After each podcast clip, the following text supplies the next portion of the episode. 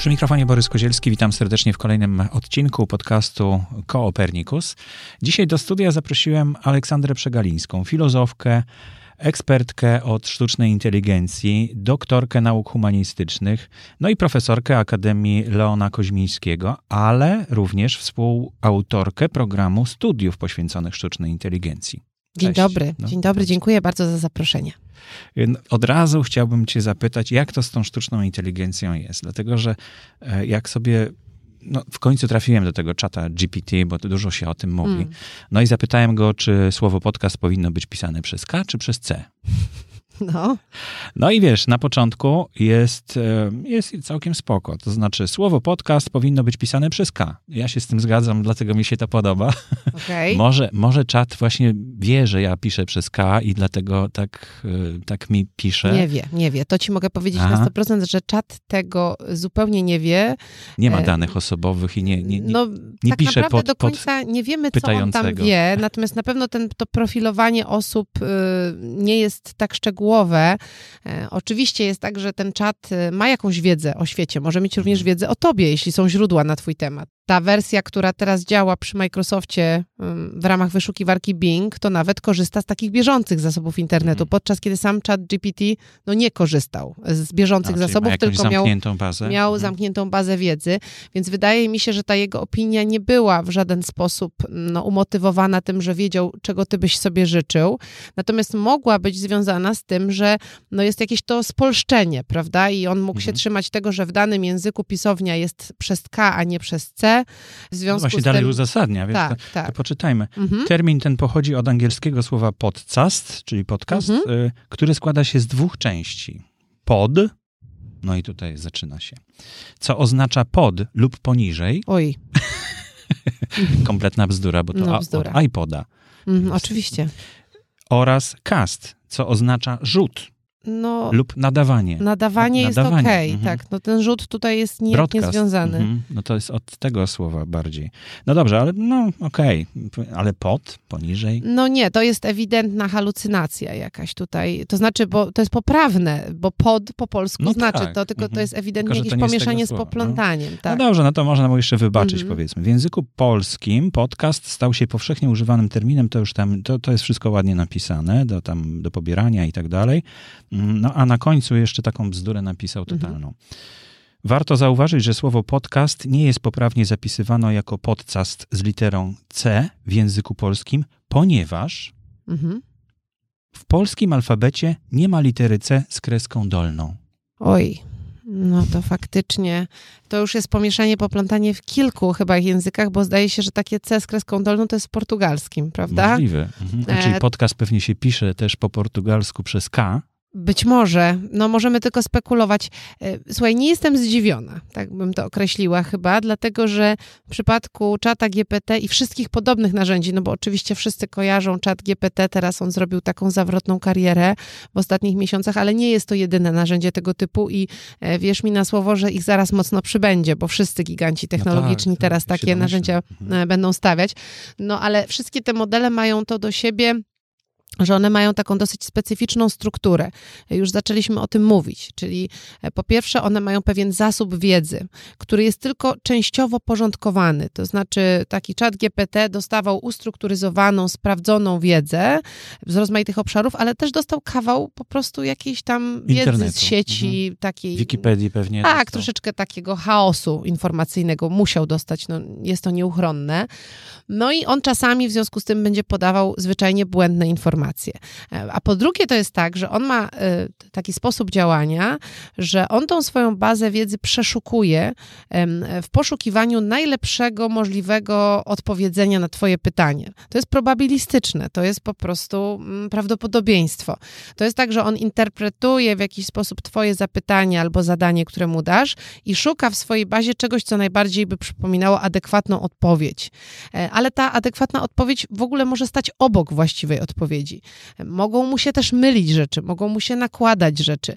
On może też wpadać w takie e, pisanie, powiedzmy też e, potem wzmacniane coraz bardziej, jakichś takich zupełnie nierealnych opowieści, które będzie kontynuował tak, że one będą brzmiały jakby były czymś absolutnie prawdziwym i halucynować wiedzę, mhm. której zupełnie nie ma. To no ja myślałem, rzeczy. Ja myślałem, że jest bardziej inteligentny. Bo... On momentami będzie bardzo inteligentny, przepraszam, że ci wejdę w słowo, mhm. ale to jest tak, że on jest bardzo nierówny. To znaczy są obszary, zwłaszcza jeśli go zapytujesz w języku angielskim, gdzie ten jego też e, silnik wiedzy jest znacznie no obszerniejszy, mhm. bogatszy, gdzie on będzie ci opowiadał bardzo dobrze. On naprawdę pisze całkiem przyzwoite analizy konkurencji. On naprawdę pisze bardzo ciekawe opowiadania. On naprawdę nieźle programuje. Jest bardzo dużo rzeczy, które on dobrze robi, ale rzeczywiście czasami na takich faktograficznych rzeczach, definicjach potrafi się kompletnie wywalić. Mhm. No mnie ostatnio opowiadał bzdury na temat tego, kto jest w kolegium rektorskim Akademii Lona Koźmińskiego, w którym ja również zasiadam, więc no jestem w stanie zweryfikować to bardzo prosto.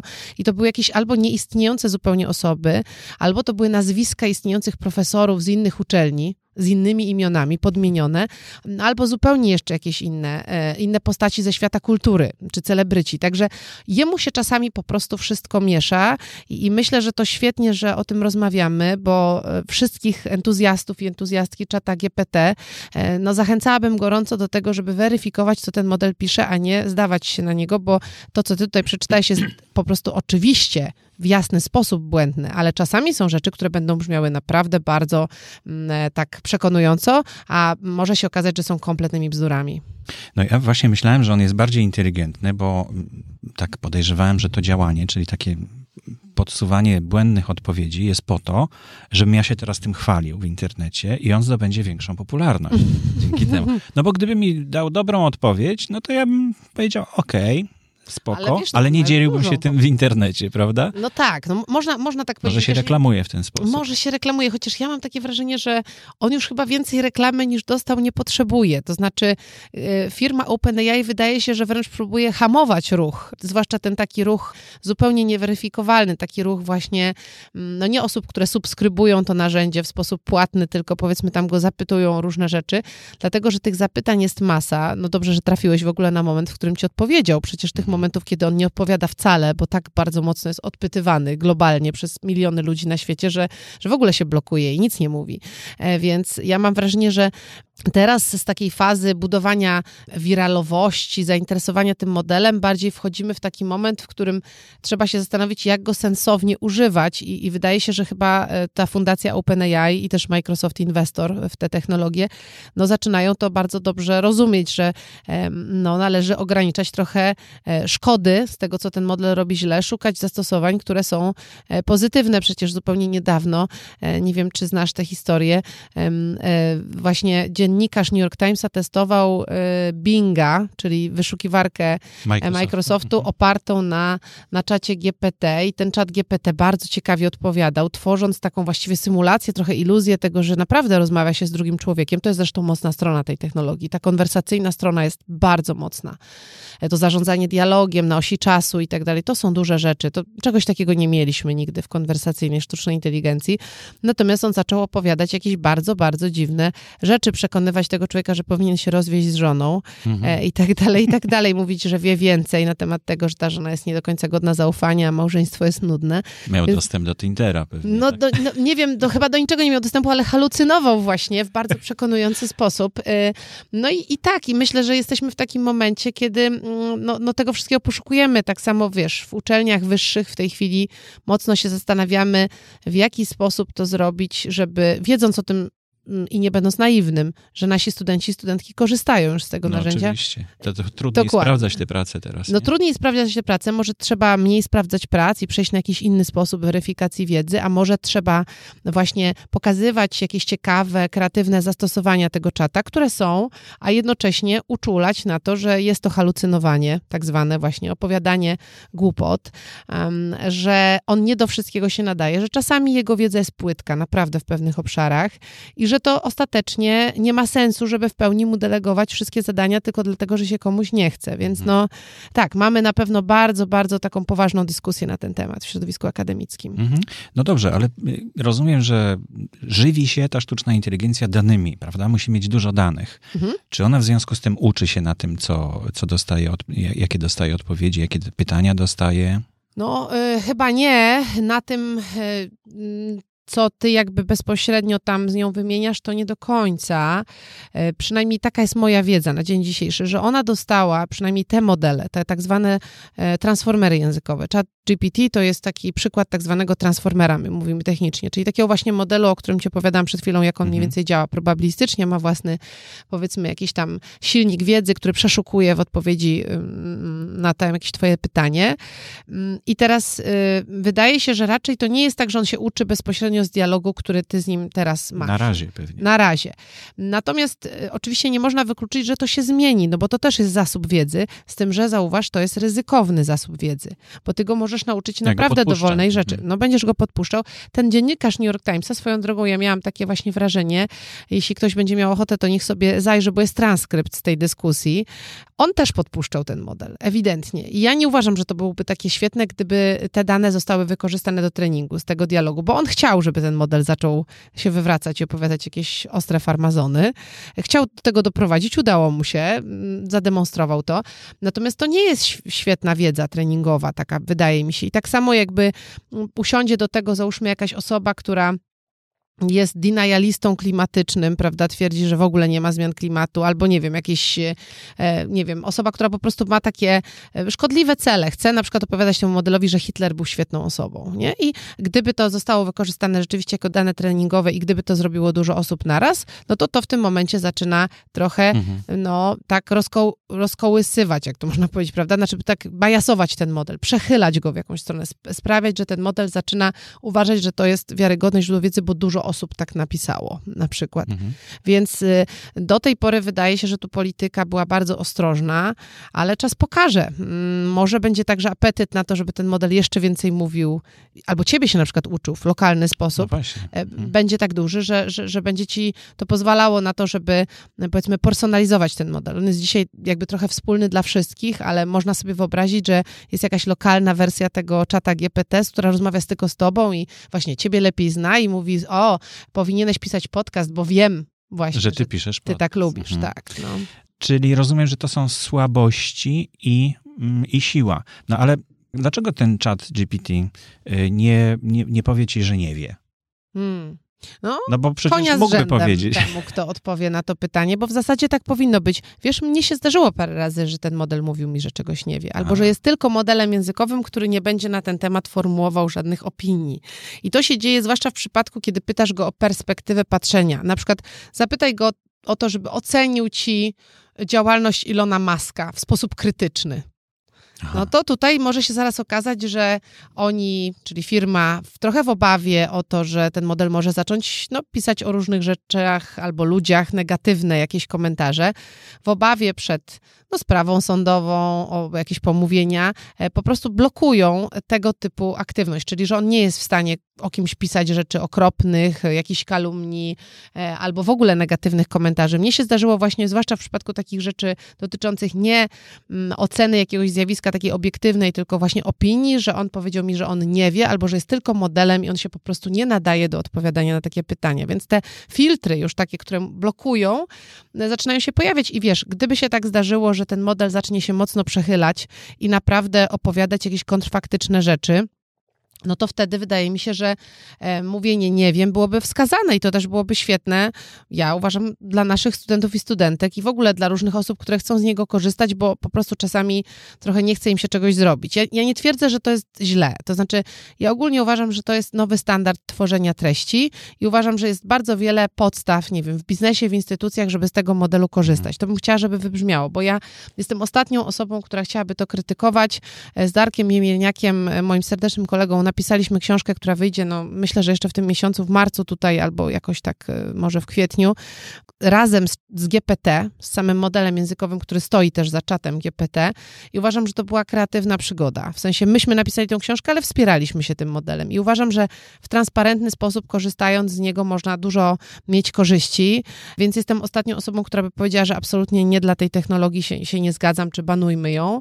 No ale z drugiej strony prawda jest też taka, że Myślę, że jakby on czasem powiedział, że nie wie, zamiast halucynować, to to by było lepiej dla mnie i dla wszystkich. I prawda, dla tych, którzy korzystają. Bo czasami można sobie powiedzieć, okej, okay, no dobra, no to ja muszę to sprawdzić. Ja tak. muszę, to teraz piłka jest po mojej stronie, to nie jest koniecznie źle. No może też tak być, że będzie się przedstawiał. Słuchaj, ja jestem tylko sztuczną inteligencją, ale z tego, Mhm. co wiem, to, prawda, no to byłoby takie Takie bardziej, pokorne, Mhm, no można właśnie. podejście powiedzieć. Tak, ja, się, ja się absolutnie z tym zgadzam i myślę, żeby budziło więcej naszej jakiejś takiej, albo wzbudzało może więcej naszej czujności, bo tak to można czasami troszeczkę właśnie przysnąć. No, że ten model mi napisał taki świetny kawałek, jakiś tam powiedzmy, nie wiem, zrobił mi e, właśnie analizę albo napisał za mnie esej i ja już tak nic nie muszę i tak po prostu powoli przysypiam, a tutaj nagle, prawda, odpowiedź nie na ten temat, ja się nie wypowiem, musisz, musisz Mhm. sam. No właśnie, tak, trzeba by było budzić trochę tych pytających. Właśnie można wydawać polecenia i można zadawać pytania. Tak, tak, tak, tak. Obie te rzeczy można robić. Wszystko to nazywamy wspólnie promptowaniem i to jest taka ciekawa nowa kompetencja, bym powiedziała cyfrowa, e, która zauważ, zastępuje nam programowanie, bo jakiś czas temu, żeby współpracować z modelem sztucznej inteligencji, żeby z niego korzystać, trzeba było umieć programować, mieć jakieś kompetencje programistyczne w jakimś języku, a teraz okazuje się, że nasz własny język, y, nazywamy go fachowo językiem naturalnym, czyli właśnie polski, angielski, czy tam francuski, dowolny inny, to są języki, których możemy używać do tego, żeby sobie z tą sztuczną inteligencją rozmawiać. I to się nazywa promptowaniem. Promptujemy model, czyli dajemy mu e, zadanie albo dajemy mu pytanie. Możemy mu powiedzieć napisz kod, prawda? Możemy mu powiedzieć wykonaj coś tam, a możemy powiedzieć, a, a kim jest e, Aleksandra Przegalińska i niech on się Poszuka. e, poszuka, niech on się wypowie. Mhm. E, Także tak, możesz mu zadawać zadania, możesz mu zadawać pytania. On, prawdę mówiąc, będzie inaczej reagował w zależności od tego, jak ty mu zadasz to pytanie. To jest też ciekawa sprawa, o której być może nie wszyscy wiedzą, mm, że to jest model, który bardzo silnie reaguje na styl wypowiedzi. Jeśli ja będę mieć obszerne to swoje pytanie, Mhm. takie szczegółowe, to dostanę zupełnie inną odpowiedź niż jeśli dam tylko Proste kilka pytanie. słów kluczowych. Jeśli się będę wypowiadać w slangu, to będzie co innego w mojej odpowiedzi niż jeśli będę mówić stylem akademickim. Jeśli będę pytać jak dziecko, dostanę odpowiedź jak dziecko. Jeśli Mhm. będę pytać jak dorosły, dostanę odpowiedź jak dorosły. Więc ta personalizacja tutaj jest, w tym aspekcie już Właśnie. teraz, dzisiaj, Mhm. bo on po prostu jest mega czuły, bardzo, bardzo czuły na styl wypowiedzi. Czyli I- elementy stylometrii tutaj są. bardzo, tak? Mhm. bardzo ważne są i muszę powiedzieć, że ten model, w ogóle one wychodzą, te modele z interpretacji właśnie trochę stylu i tego, co jest zawarte w tym zadaniu czy pytaniu, co jest istotne. I na przykład, tak jak kiedyś było tak, że wyszukiwarce, na przykład jak chcesz coś wyszukać, prawda, coś znaleźć, jakąś odpowiedź na pytanie, to najlepiej, żebyś dał proste hasła i dostaniesz wtedy tam jakieś linki, to tutaj jest tak, że jak właśnie rozbudujesz swoją wypowiedź, to twoje pytanie będzie bardziej takie szczegółowe i tak dalej, prawdopodobnie będziesz mieć lepsze efekty. Czyli dłuższe zapytanie da ci lepszy efekt. Bardziej szczegółowe tak samo, więc to jest coś innego niż to, do czego jesteśmy przyzwyczajeni, czy też byliśmy przyzwyczajeni do tej pory. No i myślę, że e, właśnie ten komponent stylistyczny, tego, że on sobie wyszukuje, o czym jest ta wypowiedź, jak ona jest skonstruowana, jak ją interpretować, przez kogo ona być może została Mhm. napisana, w jakim stylu, to są wszystko bardzo ważne właśnie takie cechy tego modelu, które będą wpływać na to, co on nam odpowie. Czy na pytania zamknięte, czyli takie tak czy nie, to czat odpowiada rzeczywiście tak lub nie? Czy Tak, chociaż tak jak ludzie potem jeszcze do tego coś Aha, tam, dodaje? jak ja teraz, właśnie ty mnie zapytałeś, czy odpowiada tak, Tak. lub nie, ja ci powiedziałam tak i potem jeszcze, prawda, coś tam Aha, sobie do tego dołożyłam. ludzki jest. No to właśnie, Bardzo dochodzimy do y, testu Turinga właściwie, Mm, prawda? mhm. I dlatego takie duże emocje budzi chyba ten, y, ten czat, czy ta sztuczna inteligencja, Mhm. że zaczyna być, przypominać człowieka trochę, prawda? I tutaj Coś w tym i jest. każdy próbuje zo- zobaczyć, aha, to, to teraz, no bo kiedyś to się łatwo wywalało, prawda? Natomiast w tej chwili... Tak. tej Kiedyś chwili- łatwo było doprowadzić e, bota do tego, żeby zaczął opowiadać e, piramidalne bzdury, albo po prostu nawet nie rozumieć, o co my go pytamy, prawda? Albo jakoś mu tam tak pomieszać w dialogu, że on w ogóle już nie wiedział, do czego my się nawet odnosimy. E, Test Turinga był poza zasięgiem. No mi się wydaje, że dzisiaj pewne wersje testu Turinga, pewne, mówię bardzo ostrożnie, wersje testu Turinga, taki model mógłby zdać.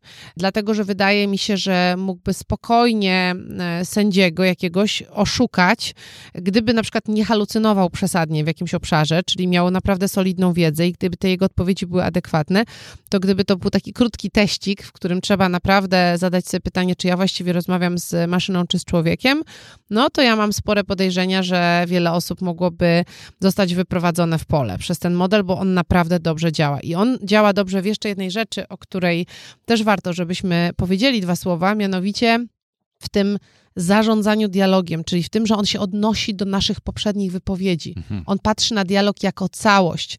Jak ja mu na przykład powiem, odpowiedz mi na pytanie takie i takie, a potem powiem, nie, nie chcę tej odpowiedzi, chciałabym, żebyś to inaczej skonstruował, to on będzie wiedział, że ja się odnoszę do tego, o czym rozmawialiśmy wcześniej. A zwykły bot z przeszłości, takie proste rozwiązanie, drzewko decyzyjne, w życiu by tego nie wiedział. No to więc... może dlatego mi pisał przez K, że, że tak, no bo ja wcześniej pytałem o coś innego i pisałem podcast przez K. A, no to Czyli może... może... No to, czyli go, może, może go naprowadziłeś na to, w tej no właśnie, właśnie waszej lokalnej tutaj interakcji. On po prostu był konsystentny z tym, co w tej interakcji się wcześniej pojawiło. No to to jest tutaj ważny, ważny element w tym wszystkim. Ale tak, no wydaje mi się, że okej, okay, wytrawny sędzia w teście Turinga, takie testy przecież różne tam są robione, są przyznawane nagrody Lebnera, prawdopodobnie nie dałby się łatwo oszukać, znając też specyfikę tego modelu, próbowałby go naprowadzić na to halucynowanie, prawda, czyli opowiadanie mhm. głupot. Na przykład nie wiem, kto wygrał Mistrzostwa Świata w Katarze, a model mówi, że one się jeszcze nie odbyły, prawda? Albo coś w tym, w tym stylu. Więc wydaje mi się, że to jest możliwe, żeby ten model ciągle nie był w stanie zwieść człowieka, ale wydaje mi się, że jakieś pewne warianty, takie uproszczone testu Turinga on mógłby dzisiaj zdać i to jest rewolucja. Dlatego to się staje takie interesujące i takie, no, niektórzy mówią groźne nawet, prawda? Jest groźne, to znaczy poleganie na tym jest, jest groźne, a, albo takie na przykład zjawiska, wiesz, które my teraz obserwujemy, że ludzie używają tego modelu do tego, żeby odpowiadać na różne pytania, a potem te pytania, te odpowiedzi swoje na te pytania gdzieś wklejają. I to jest fałszywa wiedza, która się potem replikuje w innych miejscach. Mhm. No nie, to, to to jest kiepskie, dlatego ta weryfikacja jest tak bardzo potrzebna. Albo żeby ten model, nie wiem, w przyszłości mówił, z jaką on pewnością odpowiada poprawnie, czyli oceniał własne prawdopodobieństwa poprawnego znalezienia odpowiedzi na mój, na mój prompt, na moje pytanie. Mm, no, o to trzeba pytać, to trzeba weryfikować. Mi się wydaje, że gdyby on działał tak, że jest w stanie powiedzieć, słuchaj, moja odpowiedź jest pewna na 20%, mam tutaj 20% szans, że właściwie odpowiedziałem i więcej nie, to wtedy, jakbym ja od razu to zobaczyła, to bym miała, aha, no to ja muszę pójść dalej. I na przykład edukacyjnie patrząc, to też by była bardzo pożądalna, taka pożądana funkcjonalność, taki feature, którego byśmy sobie pewnie, pewnie życzyli. Może to będzie szło tę stronę, zamiast takiego właśnie opowiadania e, niekiedy kompletnych farmazonów e, z, z takim po, poczuciem po drugiej stronie, że no to brzmi tak wiarygodnie, że musi być prawdą. Rozumiem, można zadawać polecenia, można y, zadawać pytania, tak. ale czy można kierować stwierdzenia? Można. No to, to będzie wtedy jak w dialogu. się tego nauczy? Nie. Wiesz co, nie wiem, czy on się tego nauczy, ale na pewno się do tego jakoś odniesie, bo, bo to jest model konwersacyjny, chat GPT. On ma jeszcze trochę inne cechy niż sam ten model językowy GPT, który powstał wcześniej, czyli to jest jeszcze nakładka konwersacyjna, więc on jakby reaguje w konwersacji trochę podobnie do tego, jak my na siebie reagujemy. Jeśli ty na przykład napiszesz jakieś stwierdzenie na Facebooku, no to co się dzieje? No ludzie ci coś zaczynają odpisywać. Mówią, a ja to coś tam tak nie uważam, albo o, to ciekawe, dzięki, że się podzieliłeś, albo coś mm -hmm. takiego. Przecież to są jego wzorce, on się stamtąd no uczy. Tak. No właśnie, ale chciałbym, chciałbym, żeby się tak nauczył zachowa. z tego, co ja mu przekazuję jako wiedzę objawioną, bez, bez żadnego pytania, to tego się nie da. Rozumiem, bo wtedy można by było lokalnie wykorzystać e, takiego -hmm. czata, na przykład do odpowiedzi na powtarzające się pytania w jakiejś Ale wiesz firmie. Co, ja myślę, że to, to zmierza w tą stronę, dlatego że zauważ, e, inwestorem w czata jest Microsoft. Microsoft wyłożył potężne pieniądze mm, w rozwój tego narzędzia, dał infrastrukturę i tak dalej. Teraz go implementuje w swojej chmurze.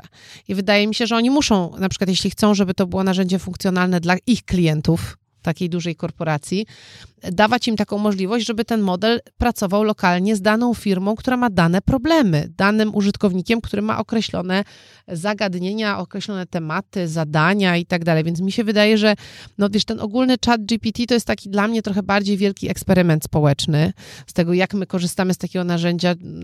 Trochę ludzie zbaranieli, prawda, jakby, że coś takiego jest możliwe.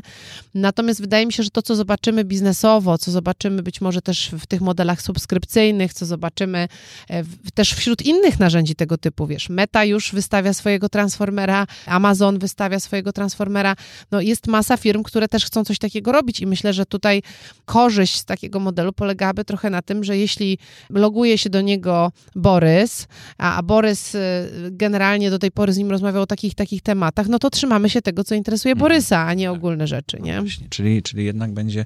Myślę, że tak. No jest już pewnie, znaczy słyszałem, że jest bardzo dużo profili, które są zakładane celowo po to, żeby, nie wiem, żeby robić jakieś badania na przykład, prawda? Na pewno, wiesz, no my sami, tylko my w sposób taki otwarty zaaplikowaliśmy do OpenAI, że chcemy zrobić bota, nad, nadpisać jakby taką aplikację botową na tym modelu, który oni zrobili, nad GPT i dostaliśmy akceptację, taki, taki model teraz tworzymy. Ostatnio ze śmiesznych rzeczy to słyszałam, że ludzie zakładają właśnie sobie te konta na czacie GPT, powiedzmy tam się nawet te subskrypcyjne, czyli te w tym modelu płatnym, po to, żeby generować opowiadania science fiction i nagle wzrosła strasznie liczba składanych do czasopism e, opowiadań science fiction pisanych wspólnie z czatem GPT, co jest bardzo w sumie fajne, jakoś tam śmieszne. Fajnie było to zbadać, czy one wszystkie mają tak jakby troszeczkę podobny scenariusz, czy mają jakieś takie wspólne tropy, czy każdy jest zupełnie inny, jak ludzie promptowali, jest ciekawe.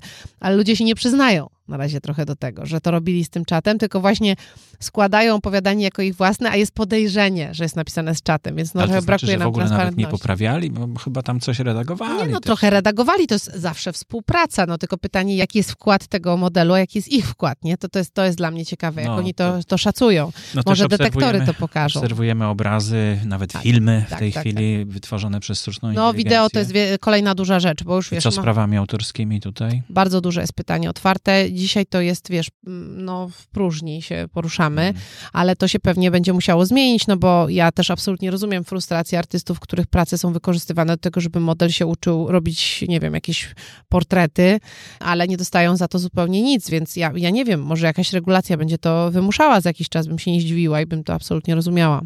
No tutaj byłaby szansa w blockchainie, prawda, gdyby te wszystkie Mogłaby prace być. były powiązane jakoś i sztuczna inteligencja wykorzystywała te... Gdyby wszystkie były jakimś NFT-sem, no to tak, mówiąc szczerze. Gdyby to blockchainowo było rozwiązane, to jak najbardziej tak. Albo gdyby model był transparentny. Czyli mhm. dane z inputu i wagi tych danych, gdyby były jasno określone. Na razie to są czarne skrzynki, więc tego też nie wiemy, ale ja myślę, że wiesz, tutaj frustracja ludzi będzie tak silna, że będziemy się spodziewali regulacji.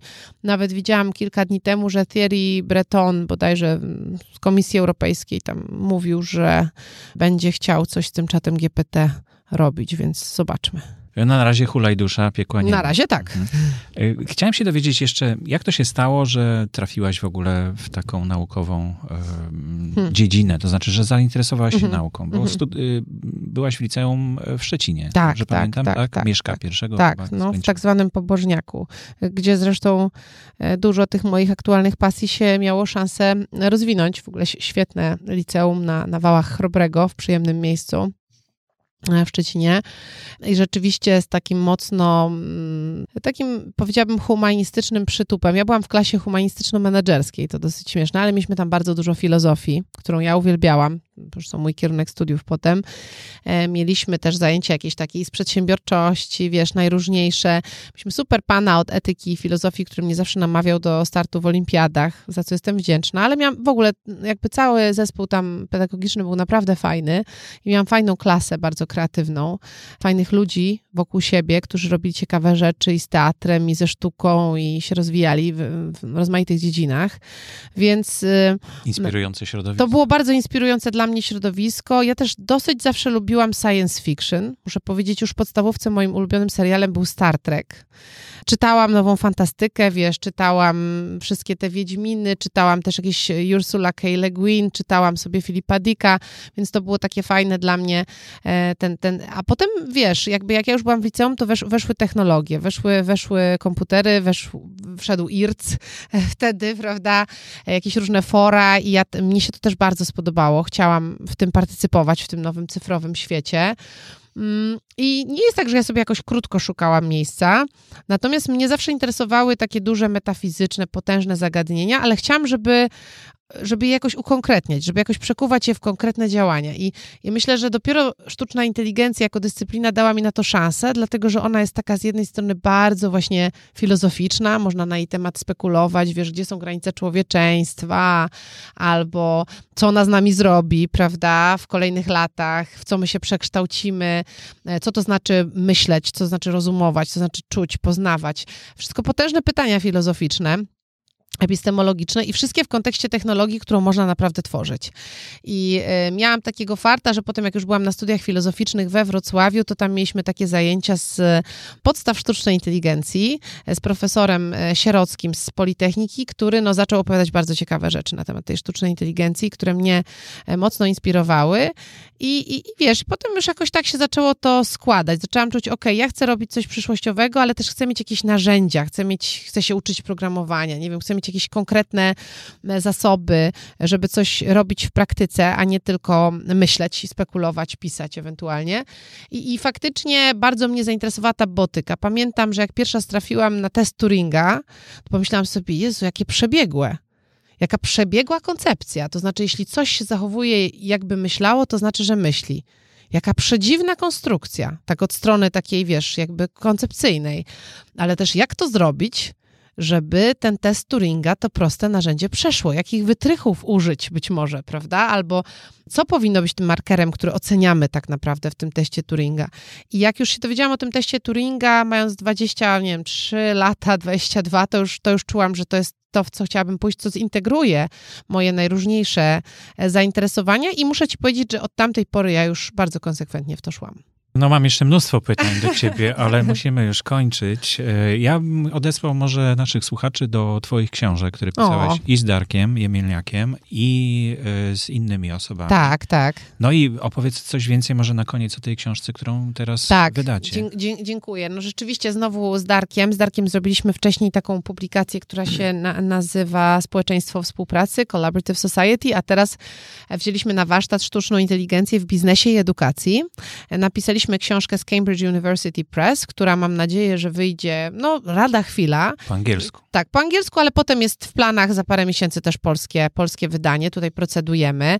Zobaczymy, jak się będzie polski tytuł nazywał. To jeszcze na razie nie mogę zdradzić, natomiast no, szukajcie nas. Będziemy na pewno komunikować, jak już będziemy wiedzieć więcej się ze wszystkimi i opowiadać o tej książce więcej. Książka jest napisana z GPT i jest napisana w sposób absolutnie transparentny. To znaczy, myśmy Wiadomo, dokładnie gdzie określili, jest. Mhm. gdzie, w jaki sposób nam model pomagał. Na czerwono jest, tak? Znaczy na, na czerwono nie jest, ale jest cały rozdział taki techniczny, warsztatowy, potwierdzający jakby gdzie myśmy to wykorzystywali, ale też pokazujący e, na co uważać właśnie mhm. w przypadku tego modelu. Myśmy używali go do pisania abstraktów, e, troszeczkę tam powiedzmy do jakichś sugerowania nam kontrargumentów do tego, co sami uważaliśmy, że jest dobre do zawarcia w tej książce, e, do tworzenia obrazów, ale też tabel najróżniejszych. Także my tutaj postawiliśmy na taką jakąś otwartość. Współpracę współpracę. Współpracę, ale też jakby ja czuję, że my napisaliśmy tą książkę. Na pewno to było trochę inne pisanie niż wcześniej, natomiast to jest zdecydowanie książka nasza, efekt naszej koncepcji, gdzie ten e, chat GPT to był taki trochę sparring partner w, w praktyce pisania, natomiast no, wydaje mi się, że nie wymyślił tej książki i nie wiem, czy by ją wymyślił bez nas, może by ją wymyślił. Kto wie, ale pewnie była inna niż ta, którą myśmy napisali. No taki tandem to chyba marzenie, prawda? Człowiek no. plus sztuczna inteligencja. Wiesz co, tandem, w którym y, jakby masz jakąś taką dojrzałość, masz pomysł i masz takiego troszeczkę Pomocnika. takiego właśnie asystenta, który ci mówi, że może coś inaczej i tak dalej. Bardzo ciekawa sprawa. Tylko do tego trzeba być przygotowanym i, i dlatego o ile ja absolutnie widzę zastosowanie czata GPT właśnie w, w pracy. E, o tyle na przykład uważam, że w szkołach średnich, e, zwłaszcza podstawówce, no to to nie powinno być e, coś, co mm, się dzieje, dlatego że tam dzieciaki muszą jeszcze pisać same, się nauczyć to robić. Potem już na studiach w jakiś fajny, kreatywny sposób, okej, okay, ale, no, ale te młodsze dzieci, no to jeśli one będą pisać, nie wiem, jak czują, że zachowaliby się w danej sytuacji bohaterowie dzieci z Bullerbyn za pomocą czata GPT, no to ja to czuję, że to jest strata. tak. Aleksandra Przegalińska była moim gościem. Dziękuję bardzo. Dziękuję również za zaproszenie.